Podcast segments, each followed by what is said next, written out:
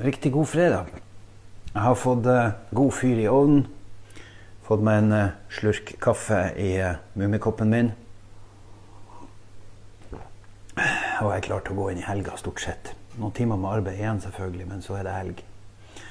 men jeg går inn i denne helga med litt melankoli i kroppen. Litt tristhet. Jeg kjenner på et savn. Et savn etter et menneske som har satt spor etter seg på så mange, mange vis.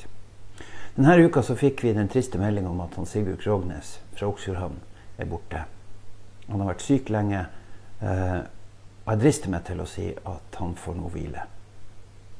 Eh, han Sigurd har vært et arbeidsmenneske hele sitt liv. Vi hadde et portrett. Eh, min daværende kollega Liv Reidun Olsen fra Kvænangen skrev et herlig portrett med han Sigurd i, i 2010, som vi nå har ute på nettsiden, så dere kan lese. Men, men der forteller han om sine arbeidsår i Oslo, på havet, som, som sildoljekoker, og til sist masse år ved Tromsø skipsverft. Han pendla til og fra Oksfjorden eh, i, i, over 28 år. Um, og han jobba med hendene og med kroppen hele sitt liv. Og så kan man tenke at sånne mennesker treffer jo på hendelser i livet som preger en.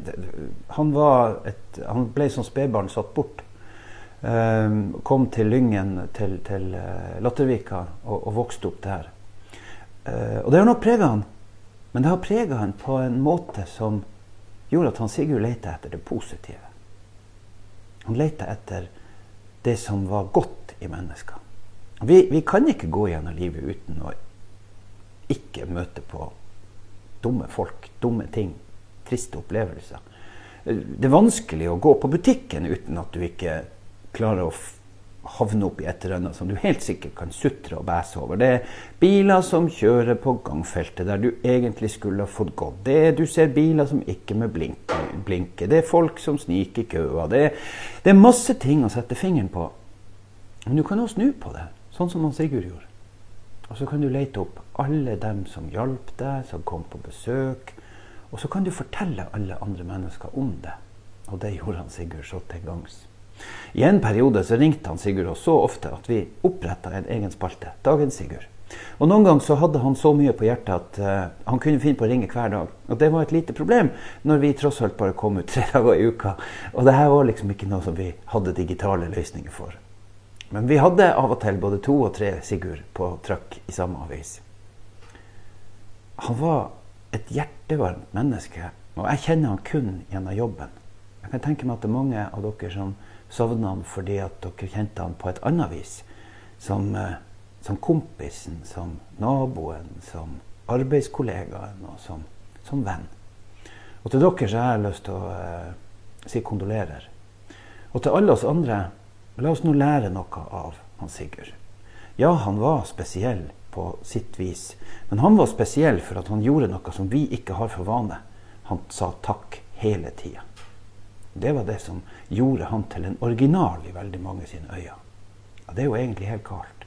Det er jo ikke originalt at man sier takk.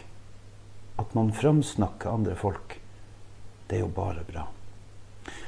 Så med det så tenker jeg at vi kan gå inn i helga. Men en siste hilsen fra han Sigurd om at vi alle bærer i oss noe godt. Og så har jeg lyst til å ønske dere ei riktig, riktig god helg. Ta vare på dere sjøl. Kle dere godt på dere. Bruk refleks. Kjør pent. Og snakk pent om hverandre. Bruk denne helga til å bare snakke pent. Hvis dere finner noe som var galt, kast det i søpla.